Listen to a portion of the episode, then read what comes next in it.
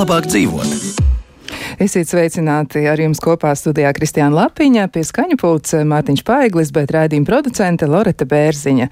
Šodien par to, kas ir patiesa un kas nav, kas ir viltojums un kas ir īsts, un eh, tūliņ arī nonāksim pie tā, kādā rakursā šodien mēģināsim pētīt eh, šo tematu, bet es sākšu ar ko citu. Par vienu no talantīgākajiem gleznu viltotājiem 20. gadsimtā uzskata holandieti Henriku van Mērgrenu, eh, kuram esot izdevies iemānīt paša gleznotu Vermēra gleznu nu, negribās teikt, bet tas bija nacistu bonza, kā viņi mēdz devēt, Hermans Gērings, ja, nu, cilvēks, kurš nekādas simpātijas nekad nav izpelnījies. Un jau jaunībā šis te viltotājs, ja, proti pats eh, Hendriks van Megrēns, bija iemīļojis eh, ļoti holandiešu vecmēstaru glēznes. Kritiķi savukārt bija izsmējuši viņa darbus, savukārt, lai apliecinātu savas spējas, viņš iemanījās nevainojumu atveidot Franca Halsa, Pītera Del Hoha, Gerharda Terboha un Johannes Vermēra glēznes.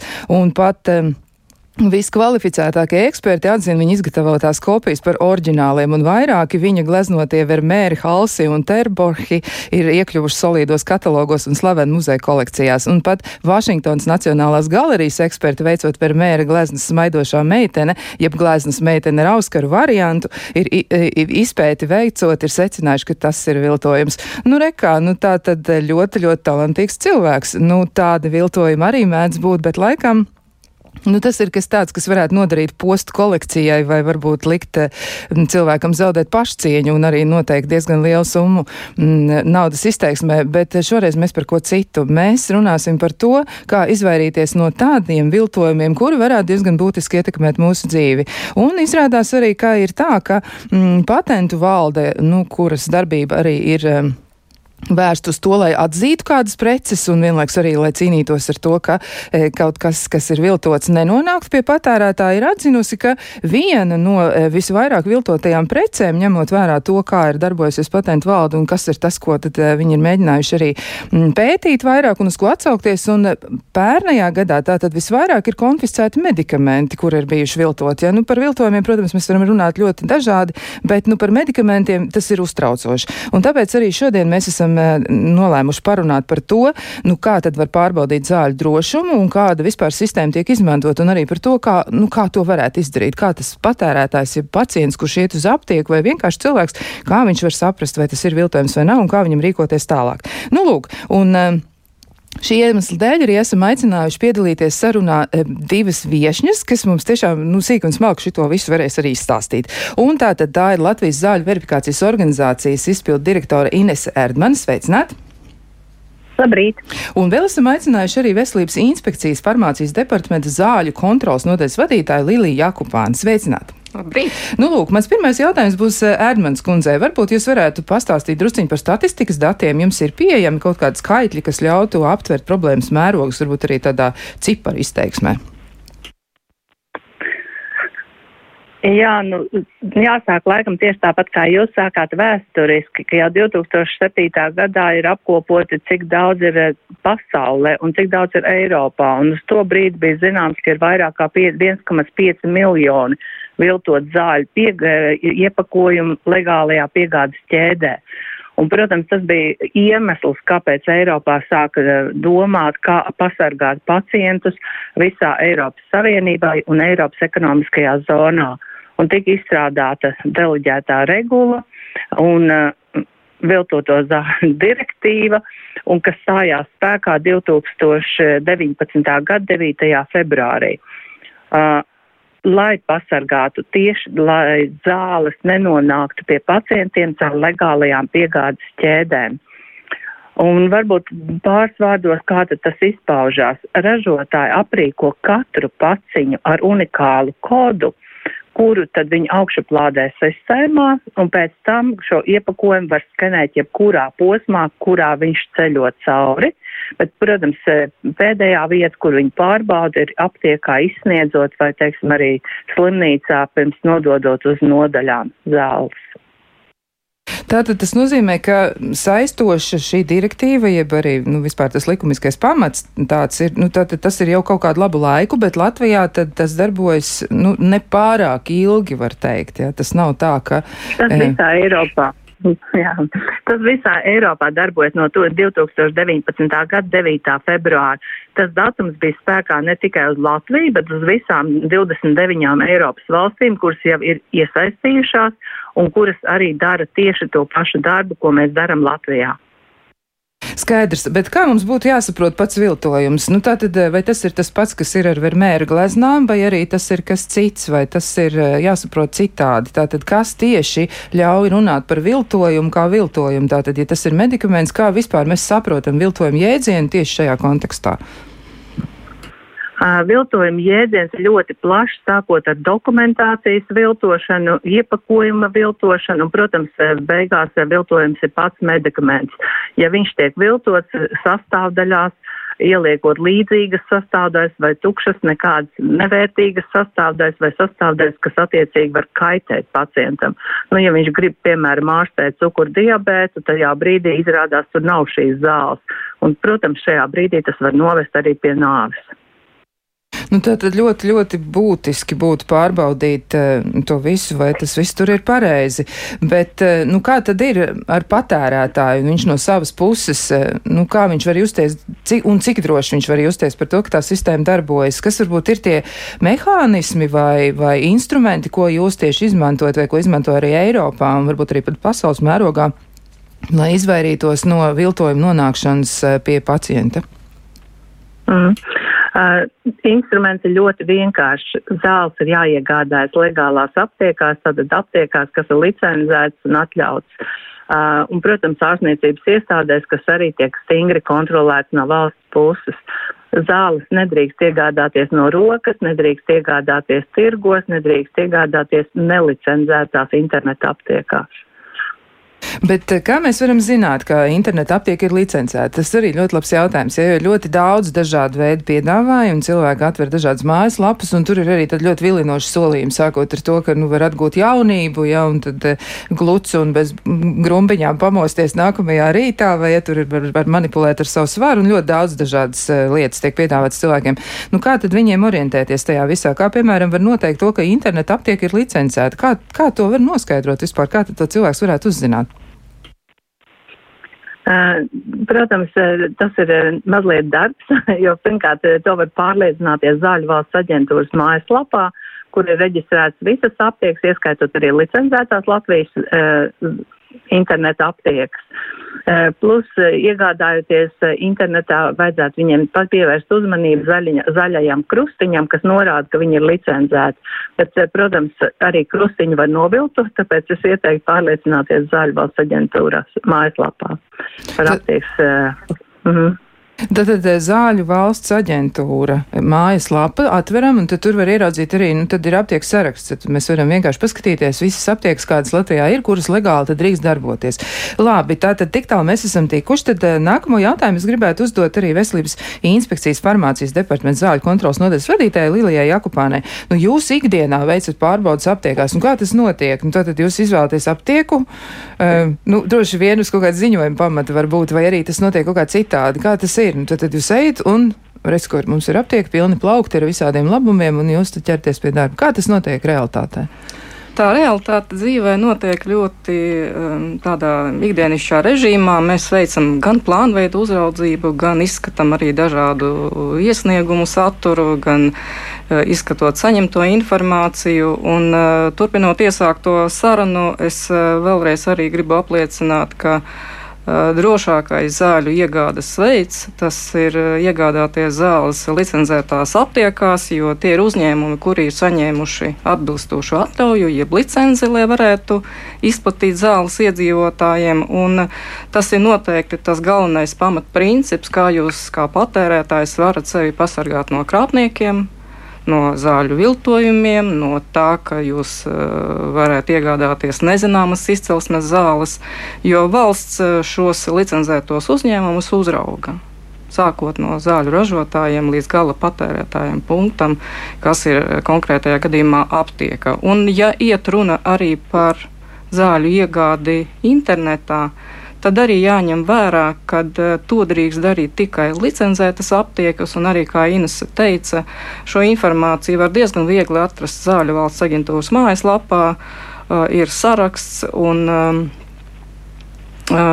Latvijā interneta aptieku starpniecība nodrošina tikai bezrecepšu zāļu uh, tirzniecību. Un tā zīme, kuru minēja arī Ineses zaļais krusts, tā ir tā, tā kā pazīšanās zīme, jeb norāde cilvēkam, ka tā ir legāla tirzniecības vieta. Un mūsu uzraudzība saistīta ar to, ka mēs uzraugam, kā zāles tiek uzglabātas, kur viņas tiek uzglabātas, kā pareizi tiek nodrošināta uzglabāšanas apstākļi, kā tiek nodrošināts uzglabāšanas režīms, kā viņš tiek kontrolēts un tā tālāk. Tā kā um, uzraudzības aspektu joma ir diezgan plaša, tas aizņem zināmu laiku, bet uh, nu, tāda ir tā mūsu misija, lai uh, pasargāt mūsu pacientus uh, visos izplatīšanas, zāļu izplatīšanas posmos no liekām problēmām. Dodoties uz aptieku, pacients var būt drošs. Arī zāļu verifikācijas sistēma šobrīd ir tiešām ievērojams atbalsts, lai pasargātu šo legālo zāļu izplatīšanas ķēdi no zāļu viltojumiem. Bet eh, kāds ir tas jūsu komentārs par to, varbūt eh, vispār, ja mēs domājam par nu, patentu valdi, tad viņi ir paziņojuši, ka no viltotajām precēm visvairāk ir konfiscēti tieši medikamenti. Ja? Nu, tad varbūt statistiski par pērno gadu runājot, tas tā ir. Bet kā tas izskatās nu, tā vispār? Vai tiešām tā ir, ka medikamentus vilto visvairāk? Kāds varētu būt tam pamats? Vai tiešām tā ir? Un, nu, skaidrs, laikam, farmācijas biznesa pēc būtības ir ļoti, ļoti ienesīgs. Tas ir skaidrs, tas ir ļoti dārgi, bet vienlaikus tas ir arī ar milzīgu peļņu. Droši vien liels vilinājums ir cilvēkiem mēģināt kaut ko noviltot, ja nu, kaut vai kaut kaut kāda uzturbagātinātāja. Nu, šķiet, kas tur varētu būt. Jā, bet eh, tajā pašā laikā sekas var būt arī letāls, un tas var būt absolūti briesmīgi. Tad kāds ir jūsu viedoklis par to, kā tas tur tagad izskatās? Protams, tie, kas nodarbojas ar zāļu viltojumiem un, un šo procesu, viņi um, izmanto to, ka ir pieprasījums. Uh, cilvēks meklē zāles, kuras ir lētākas, vai meklē zāles, kuras viņš šobrīd nevar nopirkt un uh, nelegālā vidē šo veiksmīgi izmanto. No tā, kas visvairāk tiek viltots, uh, tās ir uh, onkoloģiskās zāles, pretsāpju zāles, antibiotikas, tas, kas tiek plaši izmantots.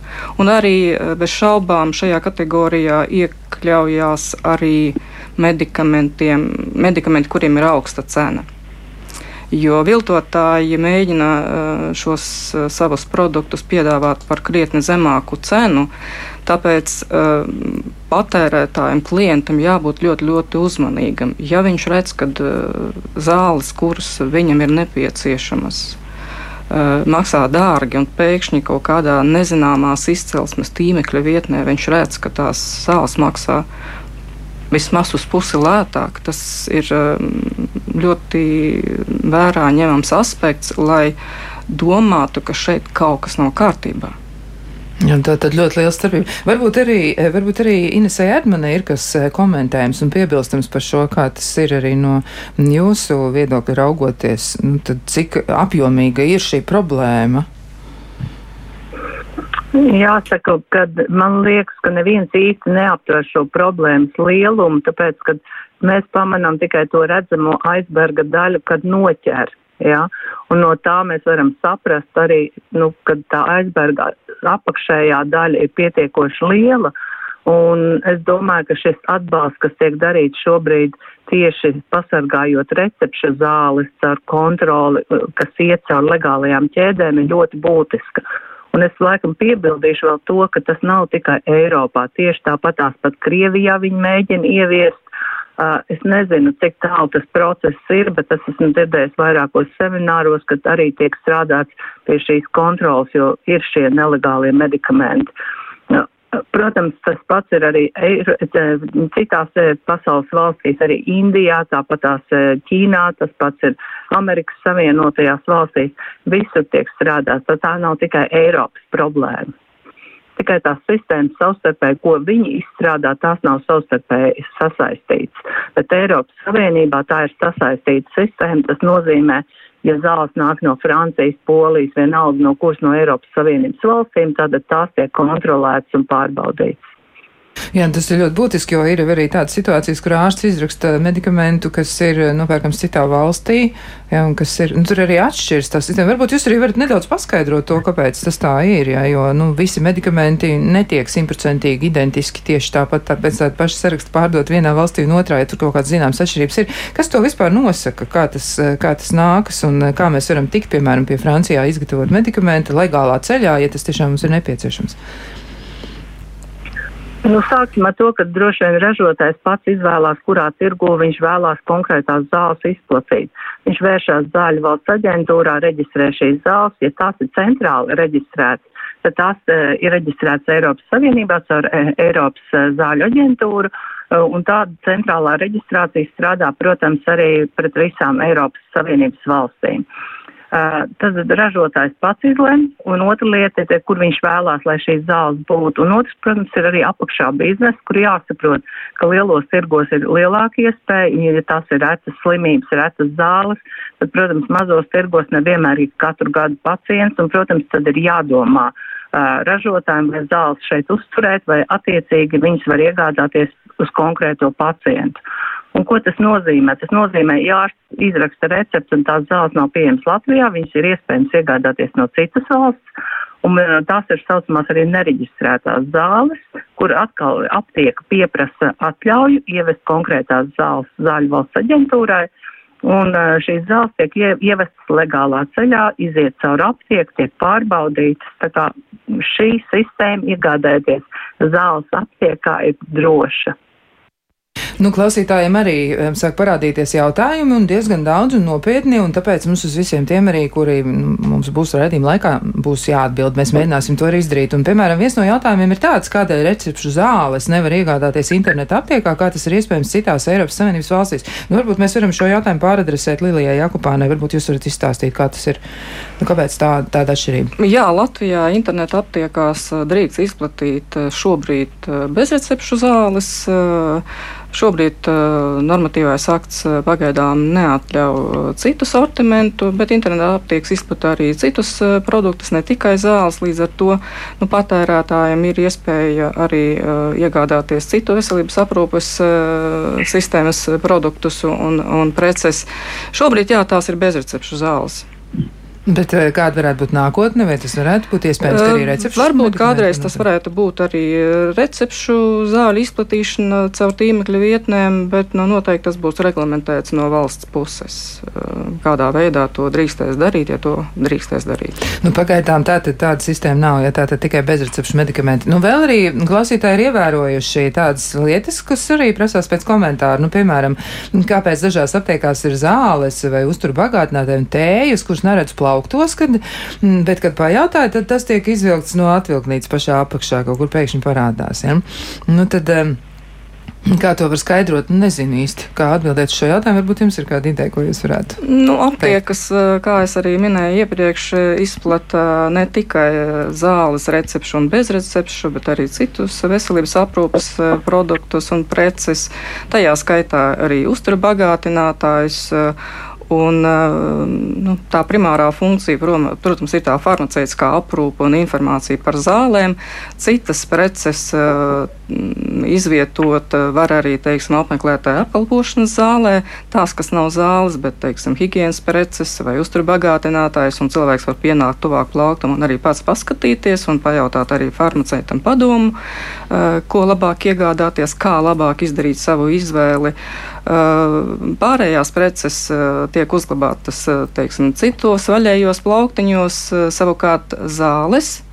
Recepšu zāles aptiekā tiek uzglabātas vienmēr pacientiem neredzamā vietā.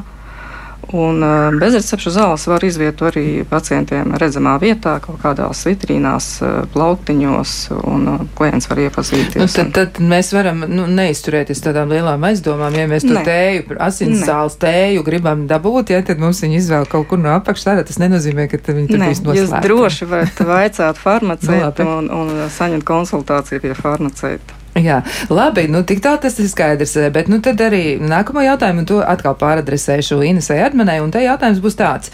Um, Nu, tātad par Latvijas internetu aptiekām viss ir skaidrs. Tur mēs zinām, kur mums to pārbaudīt. Bet nav noslēpums, ka daudzās ārzemju aptiekās medikaments ir iespējams iegādāties lētāk. Un kā būt drošam, ka Vācijas internetu aptieka ir licencēta un certificēta? Nu, ko tad jūs atbildēsiet uz šo jautājumu? Nu, laikam tas jautājums īsti nebūs man, manā kompetencē. Es ieteiktu pajautāt uh, tomēr Lilijai. Labi, mēs tad pārdresēsim Lilijai Jakobēnai. Tad, eh, ko jūs teiksiet, nu kā tad būt drošam par to, ka Vācijas aptieka, ja? nu, tur cilvēks skatās tiešām, nu atšķirība nav ļoti liela varbūt, bet, nu, eh, ir, ir dažreiz tiešām ir tā, ka arī viens eiro ir svarīgs, ja? un tā, tā tiešām ir, un tas ir svarīgi cilvēkam. Tad lūk, kā tad um, noskaidrot, vai ir vai nav? Arī Vācijā legāli strādājošā interneta aptieka nodrošina savā tīmekļa vietnē šo mm, logo, jeb pazīšanās zīmi, zaļo krustu.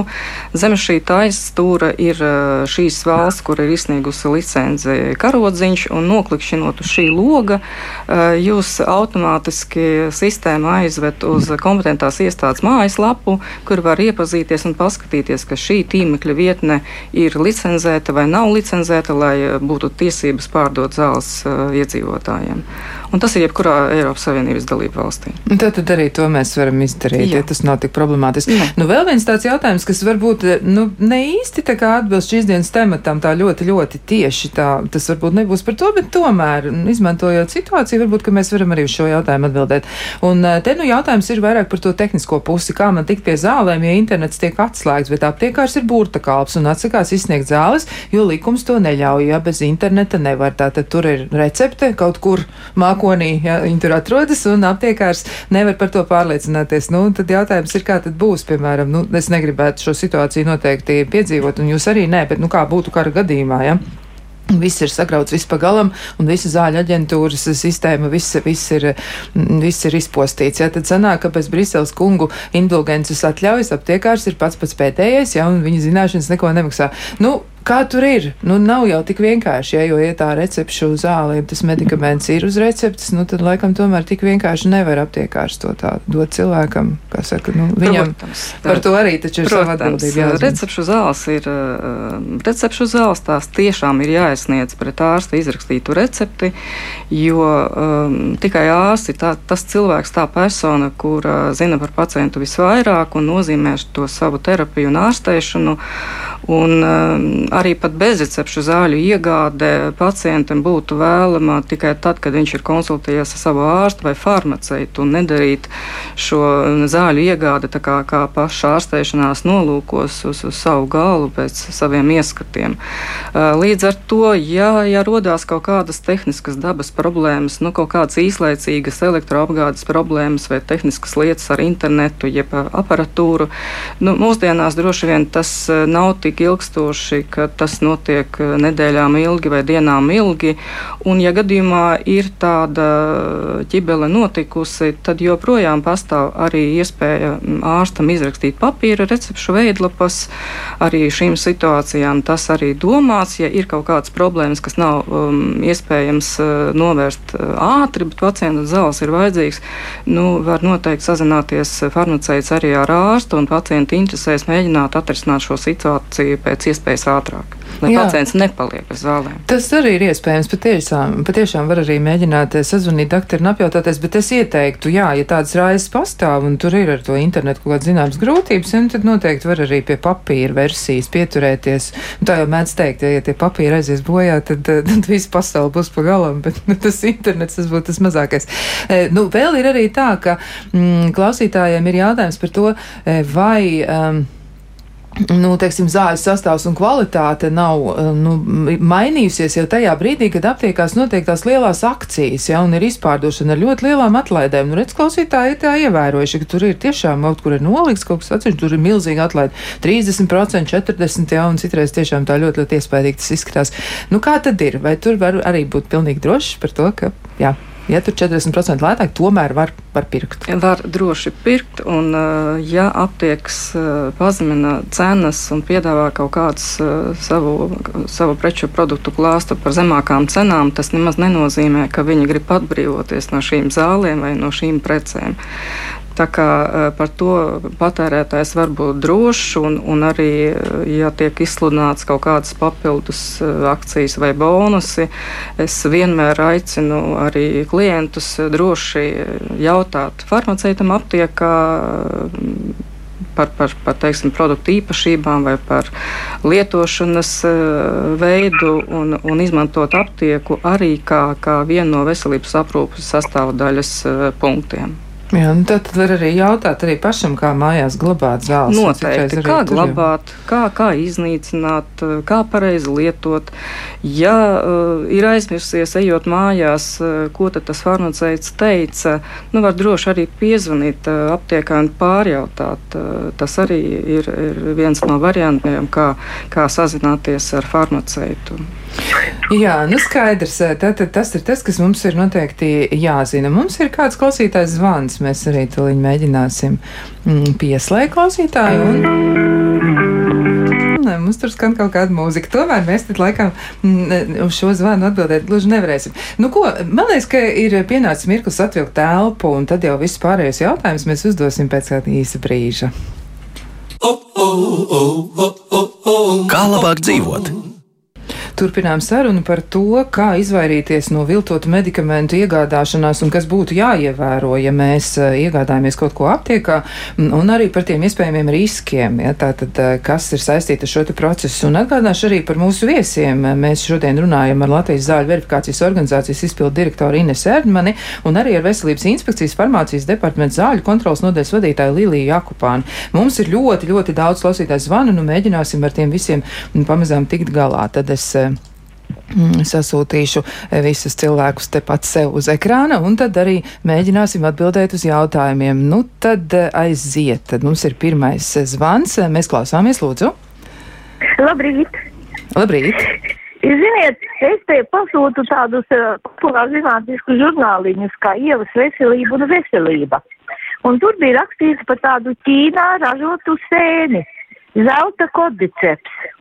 Man te mazdēls pasūtīja internetā, bet ne interneta aptiekā. Nu, ir pudelīte, tur ir instrukcija angliski un poliski, ražots Polijā tādā firmā Ostrovit. Nu, es nezinu, ir arī svītru kods. Es tagad klausos jūsu raidījumu, es nezinu, ko darīt. Vai tas varētu būt viltojums vai nav viltojums. Nu, tūlīt mēģināsim arī atbildēt uz jūsu jautājumu. Paldies! Nu, tad eh, varbūt eh, komentāru lūksim uzreiz arī no profesionāļiem. Nu, tad lūdzu sakiet, kā tas ir. Es Lilijai Jakupānai gribētu uzdot šo jautājumu. Nu, sēne, kaut kāda sēne. Nosaukums ir svītru kods, un svītru kodu jau nu, viltot ar nav nekāda dižo problēma, man tā šķiet. Nu, kas, ko jūs teiksiet šādā situācijā? Mani jau padarīja bažīgu kundzes stāstītājs par to, ka tas tika iegādāts kaut kādā tīmekļa vietnē. Cik es saprotu, tā nav licencēta aptieka ne šeit, ne, ne citā valstī.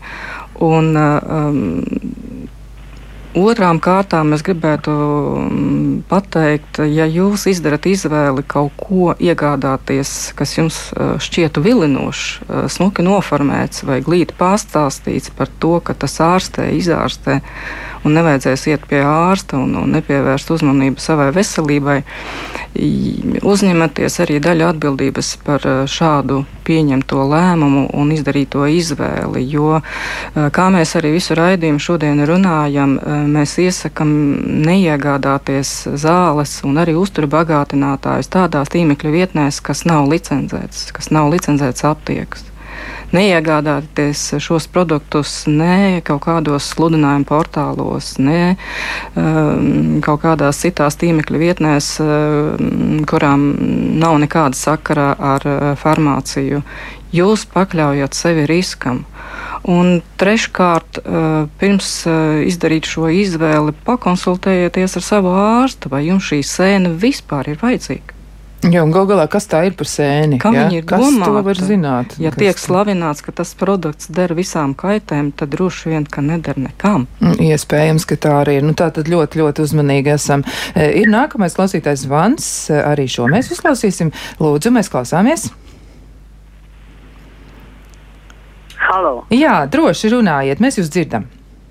Man ir cita problēma ar aptiekā iegādātām zālēm. Jā, esmu diabētiķis. Un, nu, patreiz ir, ir tāda, ka rūpīgi izpētot, ja, kāpēc man kritās cukurs un, un drausmīgi nenormāla pašsajūta un tā tālāk, ja, es esmu nonākusi pie tāda secinājuma, ja, kad, piemēram, Tertensi Fesser gadiem jau lietoja, ja, viņš bija vispirms ražots eksperimentāli Francijā laboratorijā, ja, joprojām uz kastītes ir Francija laboratorija, izpētot lietošanas instrukciju, redzams, ka ražotāja valsts jau ir Polija, ja, bet tālāk ir pielikts klāt vēl instrukcijā lietošanas, kā sauc Francijā šīs zāles, ja, Francijā ir cits nosaukums šīm zālēm, ja, pat arī, arī vispārībā vairs nav tas nosaukums tertensivs.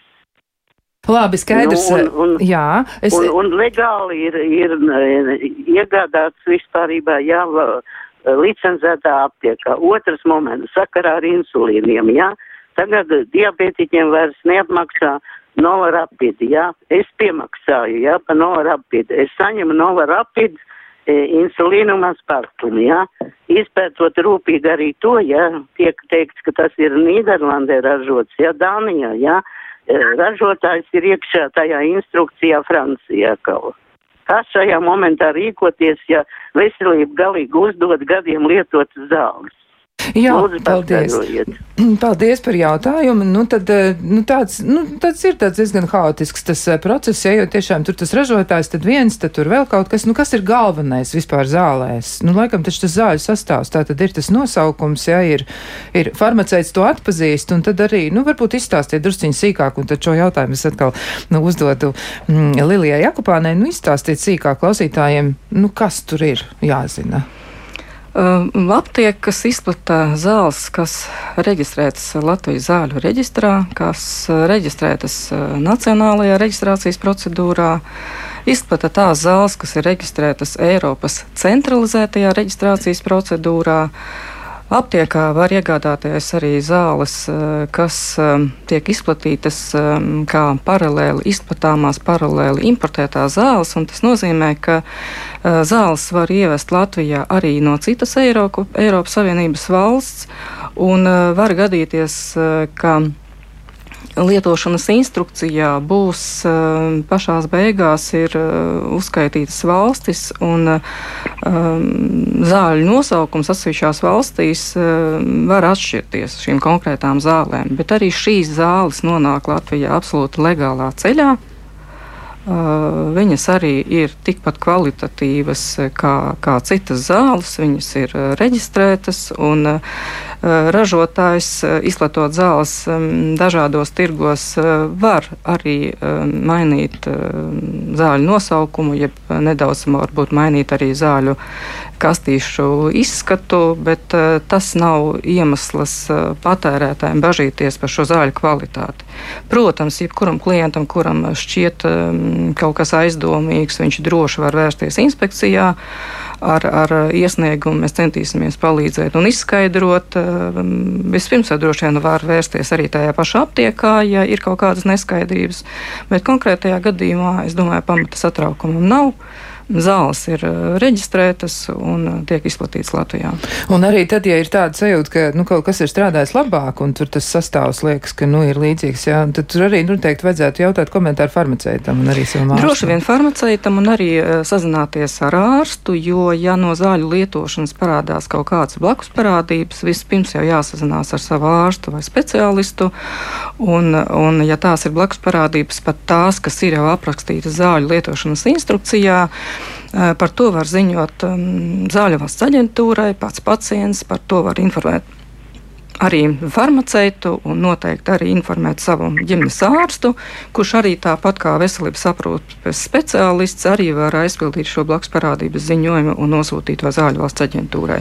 Un katrā ziņā, ja ir kaut kādas blakus parādības, ārstam ir tiesības eh, mainīt terapiju un izvēlēties citas zāles, bet tas ir ārsta kompetence. Jā, bet nu, pilnīgi skaidrs, ja pacients tiešām jūtas nepārāk labi un viņam ir šķiet, ka tas ir saistīts ar medikamentu maiņu, tad noteikti par to vajadzētu runāt. Ja? Un arī nu, blakus parādību ziņošana tas ir kas tāds, kas palīdz mums visiem, ja, jo noteikti, citādi mēs to jā. informāciju nevaram iegūt. Jā, mums ir vēl kāds klausītājs zvans, mēs eh, dzirdam jūs, lūdzu. Labrīt! Medijos bija informācija, ka Afrikā ir daudz bērnu nāves gadījumu no klepas mikstūrām. Ar, ar, tur bija toksiski piejaukumi, vai šīs klepas mikstūras tā nonākušas arī Latvijā. Paldies! Jā, nu tā tad jautājums ir par kleps mikstūrām. Vai tā varētu būt, ka kaut kas nonāk? Nu, laikam jau tomēr tā verifikācijas sistēma ir vērsta uz to, ka tas nav iespējams, vai ne? Un varbūt tad eh, šo jautājumu mēs varētu ļaut komentēt arī Inesai Ardmanai, lai, lai uh, ir arī pilnīgi skaidrs, nu, ka tā Āfrikas nelaime pie mums nebūs. Jā, tātad es eh, konkrēti šo nosaukumu medikamentam nezinu. Ja viņas nav recepšu zāles, tad viņas netiek pārbaudītas šajā sistēmā. Bet, eh, cik es zinu, tad arī Zāļu valsts aģentūra ir publiskojusi informāciju, ka šīs zāles Latvijā nav pieejamas. Tā kā vajadzētu sekot šai informācijai, bet varbūt Lilijai ir kādi komentāri vēl papildus. Jā, man arī uzmanīgi tas, ka netiek pārbaudīta zāles, jo nav recepšu. Kā, nu, tad varbūt precizējiet uz sistēmu, uz ko tad ir vērsta sistēma, jo sistēma taču būtībā ir vērsta uz to, lai pārbaudītu visu, kas ir aptiekā. Jā, šobrīd uh, sistēma vērsta, lai pārbaudītu recepšu zāles, un viena no um, bezrecepšu medikamentiem, kas satur aktīvo vielu omeprazols, tas ir saistīts ar to, ka um, iepriekšējā pieredze pirms šī verifikācijas sistēma stājās spēkā, uh, ka šo medikamentu, bezrecepšu medikamentu arī um, bija atklāti viltojumi, līdz ar to arī viņš bija pakļauts un šobrīd pakļaujas verifikācijai. Um, Par šo sīrupu es arī varu um, paturpināt un um, pateikt to pašu, ko teica um, Inese, ka šīs zāles Latvijā šis sīrups nav reģistrēts un netiek izplatīts un nav nekad izplatīts. Tā tad esam droši. Nebūs nekādas šitādas lietas mums jāpiedzīvo. Ja? Tā tad pilnīgi skaidrs dzīvojam droši tālāk. Nākamais jautājums no nākamā klausītāja. Mēs klausāmies, lūdzu. Jūs man jautājat? Jā, jā, jā, tieši tā. Es gribētu pajautāt, kāpēc es aptiekā nevaru nopirkt acu pilienu sulfacils, jeb tā saucamais albucīts, tikai uz zāļu recepšu pagatavošanu. Un viņš ir pirmkārt ļoti dārgs pagatavojot.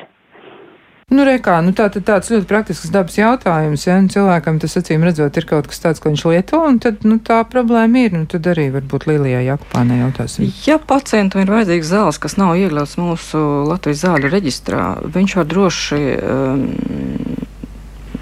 var iegādāties uh, šīs zāles kā nereģistrētās zāles, bet tas process ir tāds, ka, ja ārsts izraksta tiešām šīs zāles, ka viņas ir nepieciešamas pacientam. Pacients vēršas aptiekā un aptiekas pienākums eh, nodrošināt pacientu ar šīm nereģistrētām zālēm. Tiesa gan jāsaka, ka šis process var nebūt ļoti īss. Tas nebūs droši vien nākamās dienas rītā, jo mm, aptieka vēršās pie lieturgotavas, kura ir spējīga šīs nereģistrētās zāles sagādāt. Tas prasīs zināmu laiku. Uh, arī cena varbūt nevienmēr būs ļoti, ļoti zema, jo tomēr tas process um, ar atļauju saņemšanu, ar, ar piegādi, um, viņš ir varbūt netik raids kā, kā citas zāļu piegādes, bet pacients šīs nereģistrētās zāles var saņemt. Uh, jā, un ārsts var izrakstīt um, arī zāles izgatavot aptiekā, ja, ja tāda nepieciešamība ir. Un, um, Latvijā ir diezgan daudz aptieku, kuras uz vietas gatavo zāles arī pēc ārsta izrakstītām receptēm.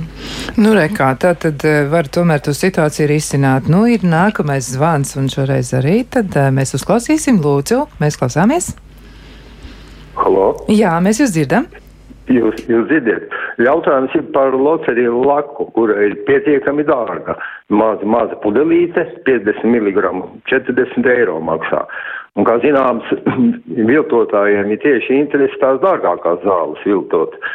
Kā man par to pārliecināties, jo šeit ir vairāk jautājumi. Uh, piemēram, tā nagu ārstē, nagu sēnītas ārstēšana ir pietiekami sarežģīta un es ilgi, ilgstoši ārstījos. Es faktiski uh, viņu esmu apturējis to progresu, bet izārstēties nevar. Un te ir jautājums, vai, vai tās zāles ir īstas, vai viņas ir viltotas un, un, cik viņas ir efektīvas. Un, kad jautāju, vai nav kaut kas inovatīvs, jaunāks, neviens neko nevar atbildēt. Un tagad rodas bažas, cik viņas vispār ir. Jo, jo jautājums arī par to, ka Igaunijā ši, šīs pašas zāles bija daudz lētākas, kaut kur 25 Laikam Lietuvā bija bijis dārgāks pie 29, Latvijā 40 eiro. Nu, kā, kā lai to visu saprot, vai te kaut kāds, kaut kāds nelegāls bizness, kā, kā, kā lai to visu saprot? Paldies par jautājumu. Jā, nu, tāds ļoti, ļoti iederīgs jautājums. Tiešām, nu, tad, kā tad ir? Pirmkārt, tā cena atšķirība ir ļoti liela. Un tiešām 20 eiro tas ir, tas ir daudz. Jā, nagu sēnīt arī ir zināms, ka nu, tās sēnītes nav tik viegli iznīdējams. Tā ir problēma. Sēnes ir ļoti specifisks pēc savas uzbūves. Viņam ļoti patīk iedzīvoties un uz ilgu laiku. Jā, tā ārstēšana ļoti sarežģīta. E, nu, kāds ir jūsu komentārs? E, nu, tad es jautāšu atkal Lilijai Jakubānai, ko jūs teiksiet šādā situācijā? Vēlos arī atkal nomierināt klientu, ja šīs zāles locerija laka ir nopirkta licencētā aptiekā, tad nav pamata satraukumam par to, ka jūs esat iegādājušies kādu nekvalitatīvu preci. Jo visas zāles, kas ir iekļautas Latvijas zāļu reģistrā, viņas tiek pārbaudītas un, un pie tām pārbaudītas ļoti rūpīgi un tur nevar būt produktu, kuri ir kaitīgi vai neizrāda nekādu terapeitisko efektivitāti. Protams, ir veselības problēmas, kuras prasa ilgstošu ārstēšanu un pacietību gan no ārsta, gan no paša pacienta. Uh, un, un droši vien tā nagu sēnīte ir viena no tām problēmām, kas prasa tiešām vairākus mēnešus, jeb arī gadu, lai izārstētu šo problēmu. Par cenu starpību, mm, jā, varētu tā būt, ka, ka atsevišķi medikamenti kaimiņu valstīs varētu būt arī lētāki, bet arī daudz medikamentu, kas Latvijā ir lētāki. Un uh, šī mm, cenu starpība jau rodās no tā, ka ražotājs katrā valstī deklarē savu ražotāja cenu. Viņš ir tiesīgs to cenu noteikt pēc saviem ieskatiem. Un no tās ražotāja cenas jau veidojas tālāk um, lieturgotavas cena un arī aptiekas cena. Uh, šo um, procesu reglamentē ministru kabineta noteikumi un ir uh, speciāla formula, kā katrā izplatīšanas posmā katrs uh, zāļu izplatītājs ir tiesīgs veidot savu zāļu cenu un uzcenojumu. Bet tādā gadījumā var arī to situāciju risināt tā, ka es vienkārši ņemu savu recepti un brauc pie kaimiņiem? Jā, var tā darīt. Mēs arī esam tiesīgi pieņemt citu valstu, Eiropas Savienības valstu receptes un arī ar savām receptēm doties uz kaimiņu valstīm. Tā receptei jābūt pareizi noformētai. Izņēmums ir tikai uz psihotropām un narkotikām zālēm. Tās mēs savās aptiekās pret ārzemju receptēm neizsniedzam, un arī mūsu ārstu izrakstītās receptes, kur ir šie medikamenti, arī citās valstīs nevarēs saņemt. Bet, ja tas ir, piemēram, psihiatri izrakstīts medikaments, kas ir nu, diezgan jaudīgs, ir skaidrs, tas ietekmē garstāvokli, un tur ir tāds, nu, tāds sastāvs ir diezgan, diezgan nopietns. Jā, ja, tad kā ar to būs? Ja tās nav um, Latvijā kontrolējamās otrā vai trešā saraksta zāles, uh, tās zāles ir domātas kaut kādām citām veselības problēmām, pat ja tās izraksta psihiatrs, arī šīs zāles, ja ir izrakstīta recepte, var, var uh, iegādāties citās valstīs, ja pacientam šķiet, ka tur ir zemāka cena. Jā, labi, tā tad arī tas ir skaidrs. Nu, vēl mēs uh, varam pagūt atbildēt uz vienu jautājumu, un tad to mēs arī mēģināsim to izdarīt. Mēs klausāmies, lūdzu. Lūdzu, sakiet, lūdzu, vai Reader Digest ir tāda firma, kas izplata grāmatas un vēl šo to tādu. Viņi arī atsūta katalogu par medikamentiem. Tur lielākoties ir veciem cilvēkiem, atmiņai, kauliem eh, un tā, locītavām un tā tālāk. Vai tā, tās, un tur rakstīts, ka lielākoties ražots Norvēģijā, Somijā, Lietuvā, Un, un, un, un e, turpat kādreiz e, pašos sākumos skrastiņš, tā kā bija tā seja, un tagad hiršs, vai tām zālēm var ticēt? Paldies par jautājumu. Nu, tas ir noslēdzošais jautājums. Nu, tad tādu kopsavilkumu pēdējā teikumā, un tad es šoreiz deleģēšu to arī Lilijai Jakopānai. Nu, sakiet, kā tur ir. Nu, vai tad var ticēt vai nevar ticēt? Nu, varbūt, ka tur jābūt tomēr piesardzīgiem. Es aicinātu būt piesardzīgiem, nepaļauties dažne dažādiem vēstījumiem par to, ka tas aizvieto, uzlabo un nevajadzēs vairs neko pērcēt tikai to, kas ir mūsu katalogā un tikai tāpēc, ka uh, reklāmā piedalās kāda vairāk vai mazāk pazīstama seja, kāds aktieris vai publiska persona. Uh, ja jūs, jums šķiet, ka jums ir kaut kas vajadzīgs no tā klāsta, Sazinieties ar ārstu un izvērtējiet, vai jums tiešām šie produkti ir nepieciešami. Un, ja tā ir atkal kaut kāda interneta vietne vai kaut kāds paskastītē ievietots sludinājums, nu es jūs aicinātu neuzķerties uz šādām um, mistiskām ziņām par to, ka jūs tagad būsiet atbrīvoti no ārsta apmeklējumiem? Laikam nesanāks, ja tomēr tad uh, turam to kritisko domāšanu sev blakus un uh, ļoti, ļoti uzmanīgi vērtējam visu to, ar ko mēs saskaramies, ja jo patiesi, nu, biznes ir biznes, cilvēki vēlas nopelnīt, bet veselība tā laikam ir pati dārgākā, to jau ne par kādu naudu nenopirks. Tāpēc arī uh, pie tā pieturēsimies. Nu, saku paldies Latvijas zāļu verifikācijas organizācijas izpildu direktorai Inesai Erdmanai un arī Veselības inspekcijas farmācijas departamenta zāļu kontrolas kontrolas nodaļas vadītājai Lilijai Jakupānai par ļoti būtiskiem Tādiem atgādinājumiem un arī informāciju, ko mēs šodien ieguvām par to, kā tad būt uh, pietiekam vērīgiem attiecībā uz zāļu iegādi. Ja? Un uh, savukārt rīt, tad jau jūs atkal varēsiet apdomāt par to, ko tad darīt ar savu mašīnīti, skatoties uz ziemu. Tur noteikti kādi darbi vēl veicami. Par to rīt vairāk Elvis. Es no jums atvados, no jums atvadās arī Mārtiņš Pēglis un raidījuma producenta Loreta Bērziņa. Tiksimies atkal kādā citā reizē, lai jums jauka un izdevusies diena!